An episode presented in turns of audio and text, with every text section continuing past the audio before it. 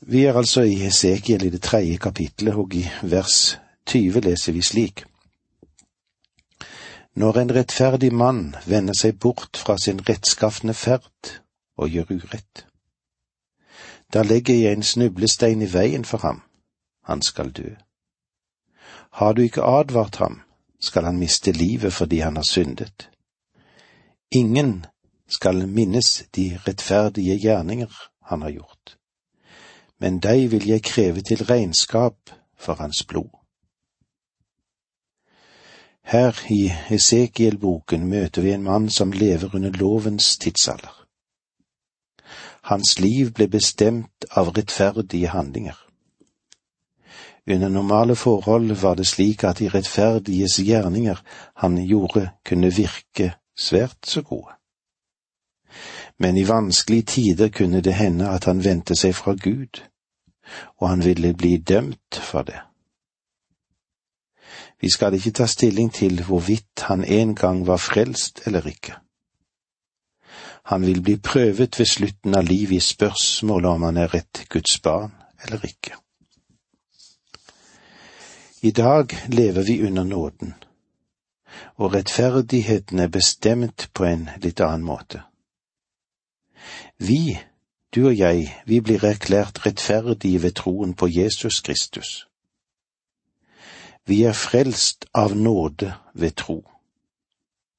I Romerbrevet 4,5 står det slik. Annerledes er det med den som ikke har gjerninger, men som tror på ham som erklærer den ugudelige rettferdig. Han får rettferdigheten tilregnet fordi han tror. Den sanne troende kan også i dag falle i synd, men han vil ikke bevisst praktisere å leve i synd. I første Johannes 3,9 Vær den som er født av Gud, synder ikke.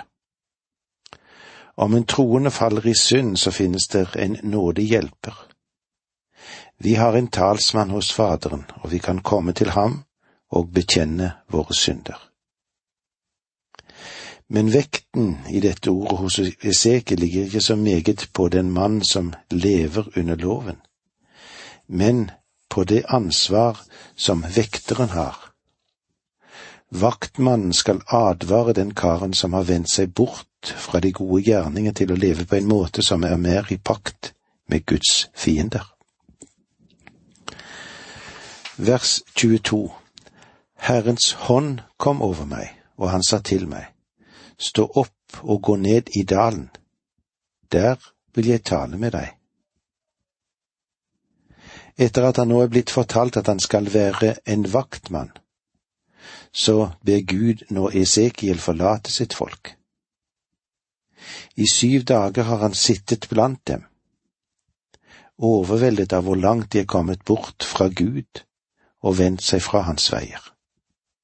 Og Gud ber ham om å forlate dem. Vers 23 Jeg sto opp og gikk ned i dalen, og der sto Herrens herlighet, slik jeg så den ved Kebarelven. Jeg kastet meg ned med ansiktet mot jorden. Temaet om Guds herlighet vil dukke opp igjen, og det vil dukke opp igjen igjen og igjen hos Esekiel.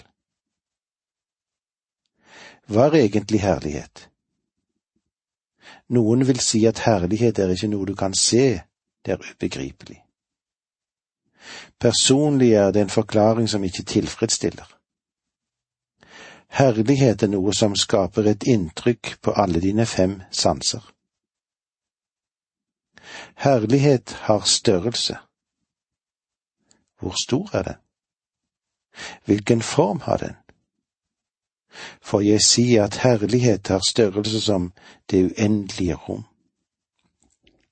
Guds ord sier til oss, himmelen forkynner Guds herlighet, hvelvingen forteller om Hans henders verk, som det står i Salme 19.1. Guds herlighet kan ses i dette veldige univers som du og jeg er en liten del av. Herlighet har også skjønnhet knyttet til seg. På mange steder forkynnes det at himmelen vil bli et skjønt sted. Men herlighet har også å gjøre med opphøyelse og tilbedelse. Vi leser i Skriften at han var herlig i sin kledning. Det står i Jesaja 63,1. Det finnes noe majestetisk ved herligheten. I Salme 8,2 proklameres det på denne måten. Herre, vår Gud, hvor herlig ditt navn er over jorden. Du som har utbredt din pakt på himmelen. Dette er Guds majestet. Den er skinnende og lys. Den er dyrebar og ren. La meg til sist få si at herligheten fremhever ære og rettferd. Daniel sa, Konge, den høyeste Gud ga din far Nebukaneser kongedømme og makt, ære og herlighet, som det står i Daniel 5,18. Selve Guds navn understrekes her for oss hans ære, hans herlighet. Esekiel så hans herlighet. Versene 24 og 25 Men da kom det ånd i meg, og den reiste meg opp på føttene. Han talte med meg og sa til meg, Gå og steng deg inne i huset ditt. Og nå, du menneske, skal du slå tau omkring deg og binde deg fast med dem, så du ikke kan komme ut blant folk.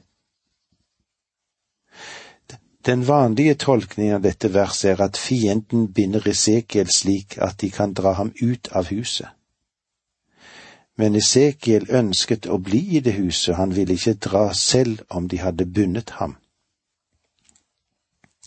I stedet for å tale en hel del, så kommer Esekiel til å dramatisere det lignelsen som Gud gir ham. Og her er en av dem. Han går inn i huset og stenger seg selv inne. Hvorfor? For å vise at Gud har forkastet sitt opprørske folk. Versene 26 og 27 Jeg lar din tunge henge fast ved ganen, så du blir målløs og ikke blir i stand til å refse dem. De er jo en trassig ett. Men når jeg så taler med deg, vil jeg åpne din munn, og da skal du tale til dem. Så sier Herren Gud, den som vil høre, han får høre, men den som ikke vil, får la det være. De er jo en trassig ett. Esekiels oppgave er altså å si så sier Herren. Går vi så tilbake til Esekiel 2,7, så leser vi Du skal tale mine ord til dem enten de vil høre eller ikke for de er trassige. Denne profeten skal forkynne Guds ord for dette folket. Og utenom denne forkynnelse sier han ingenting til dem. Så til andre tider er han fullstendig taus. Han har bare Guds ord å gi dem, og ikke noe annet. Vi går nå videre til kapitlene fire og fem. I disse kapitlene vil Esekiel komme til å bruke visse symboler og dramatisere noen lignelser for folkets øyne. Når dette skjer, er Jerusalem ennå ikke ødelagt. Og de falske profetene fortsetter å si til folket at Israel skulle ha fred. De sa at jødene bare skulle få et kort fangenskap i Babylon før de vendte tilbake til sitt eget land. Men Esekiel ville komme til å bekrefte det ordet Jeremia hadde forkynt, og det var at de ikke ville komme tilbake på 70 år, og at Jerusalem ville bli ødelagt. Gjennom historien har mennesket kjempet seg gjennom 15 til 20 000 kriger og undertegnet mer enn 10 000 fredstraktater. Likevel under de siste fem–seks tusen års historie har menneskeslekten som helhet ikke kunnet nyte mer enn 200-300 år med frihet og fred. Mennesket synes å være en krigersk skapning, enten man liker det eller ikke. Paulus skrev i første Tessalonikerbrev 5.3 når de sier fred og ingen fare, da kommer plutselig undergangen over dem brått som veer over en kvinne som skal føde, og de skal ikke slippe unna. For jeg sier til oss alle sammen, det finnes bare én fredsfyrste, og det er den Herre Jesus Kristus. Takk for nå, må Gud være med deg.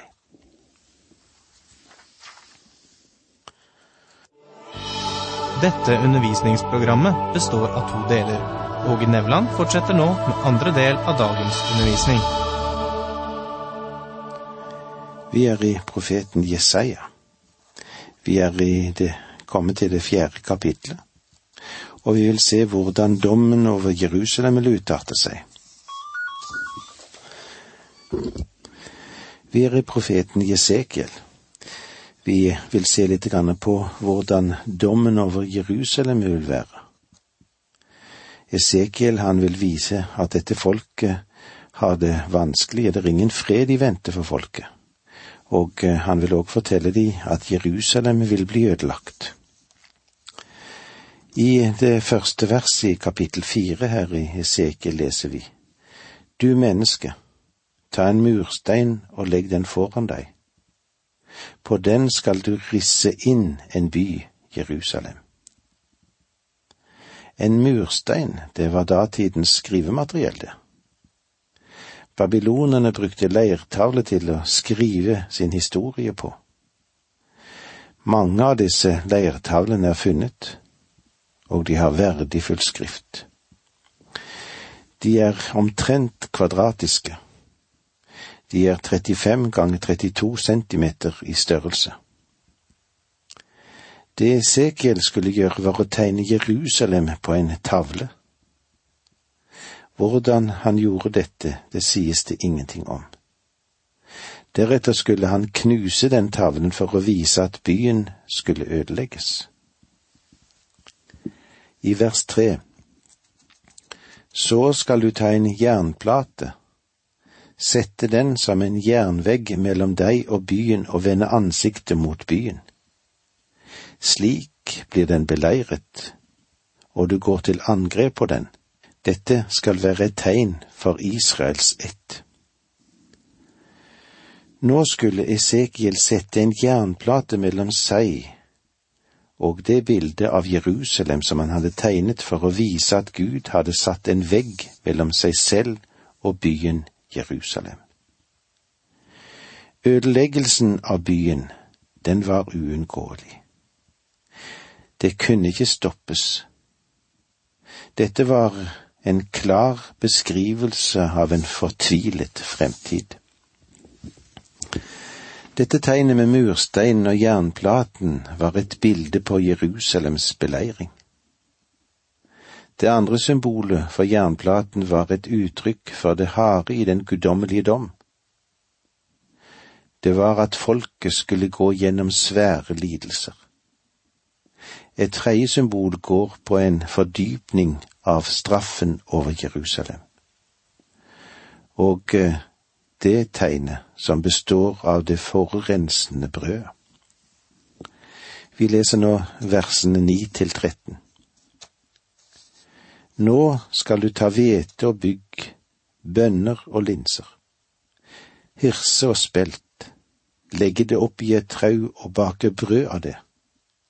Så mange dager som du ligger på siden, i 390 dager skal du spise av dette. Den maten du spiser daglig skal veie 20 sekel. Til faste tider skal du spise det Vannet du drikker skal måle en sjettedels hinn. Til faste tider skal du drikke det. Brødet skal du spise i form av byggkaker. Du skal steke det like for øynene på dem, og med tørket menneskemøkk som brensel. Slik skal israelittene spise urent brød blant de folkeslagene jeg driver dem bort til, sa Herren. Disse informasjonene ville være motbydelige for de fleste av oss, men de var særlig motbydelige for Esekiel, fordi han var prest og hadde aldri spist noe urent. I vers 14 leser vi, Jeg svarte, Å Herre, jeg har aldri vært uren. Fra ungdommen av og helt til nå har jeg aldri spist kjøtt av dyr som var selvdøde eller revet i hjel. Og urent offerkjøtt har jeg ikke hatt i min munn. Men det skulle være et tegn fra Herren om den hungerskatastrofe folket ville oppleve på den tid Jerusalem ble ødelagt. Tross de stadige løftene fra de falske profeter, så ville både byen og folket tape og disse forskjellige tegnene var en beskrivelse av de redsler og forferdende opplevelser som skulle komme. Det var dette vi hadde med oss fra kapittel fire. Men nå vil vi se tegnet på at profeten raker av seg håret. I kapittel fem så åpner det med at Esekiel dramatiserer enda et tegn for folket. Og da leser vi de tre første versene i kapittel fem. Du menneske, ta et kvast sverd. Bruk det som rakekniv på deg og far over hodet og skjegget med det.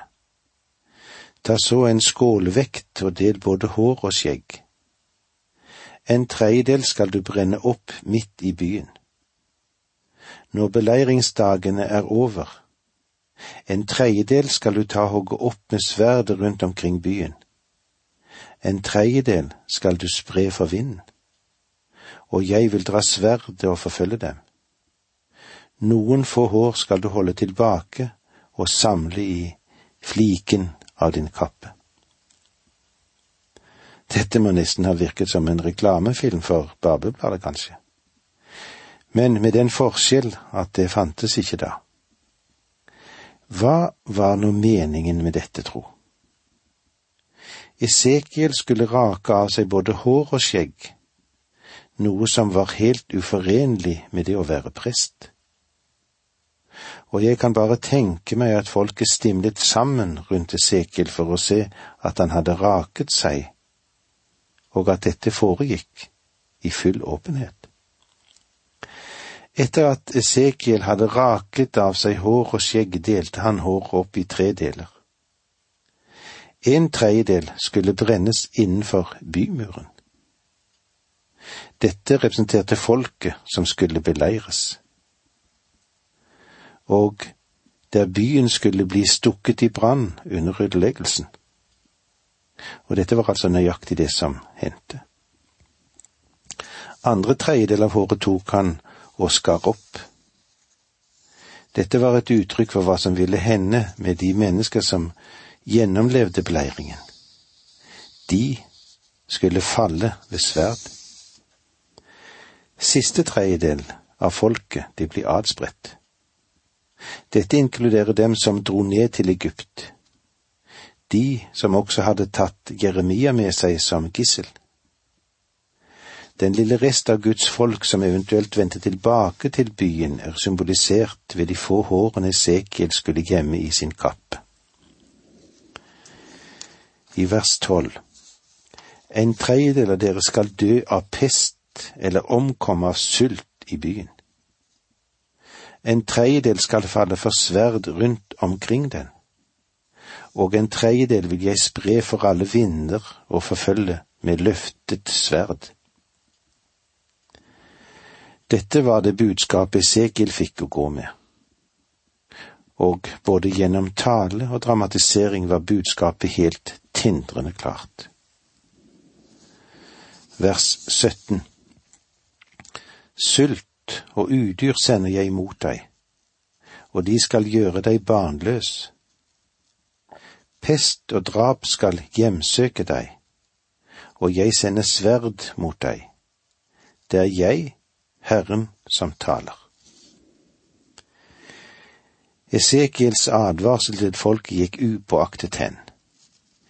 Jerusalems ødeleggelser og den lidelse som folket måtte holde ut, burde være en advarsel for oss om realitetene om at en guddommelig domsavslutning vil komme. Men vi har fjernet oss så langt fra en slik forståelse at bare meget få mennesker har gjort seg kjent med Guds ord og hva det sier til oss i dag. Hva er den største synd blant oss kristne i dag? Jo, det er likegyldigheten overfor Guds ord. Gud ga denne advarselen til Jerusalems innbyggere, men den har et budskap til oss også i dag. Ja, det har jo hele Skriften, det. Når Guds dom begynner, da er det for sent til å ta en avgjørelse. I dag, om du vil, så kan du høre Hans røst som sier til deg, Se nå er en velbehagelig tid, se nå er frelsens dag. Dette står i 2. Korinterbrev 6,2. Den virkelig nye slekt er dem som ikke har utsatt sin avgjørelse, men allerede har tatt imot Guds frelse. Det var det vi fikk med oss i dag. Når vi møtes igjen neste gang, vil vi begynne på kapittel seks. Og det vi skal være oppmerksom på, er at Esekiels bok, den er veldisponert. Vi har nå fått møte profetier som stort sett har angått Jerusalem. Men når vi går inn videre, så vil vi se at dommen, den vil ramme hele landet. Men nå må vi si takk for nå, må Gud være med deg.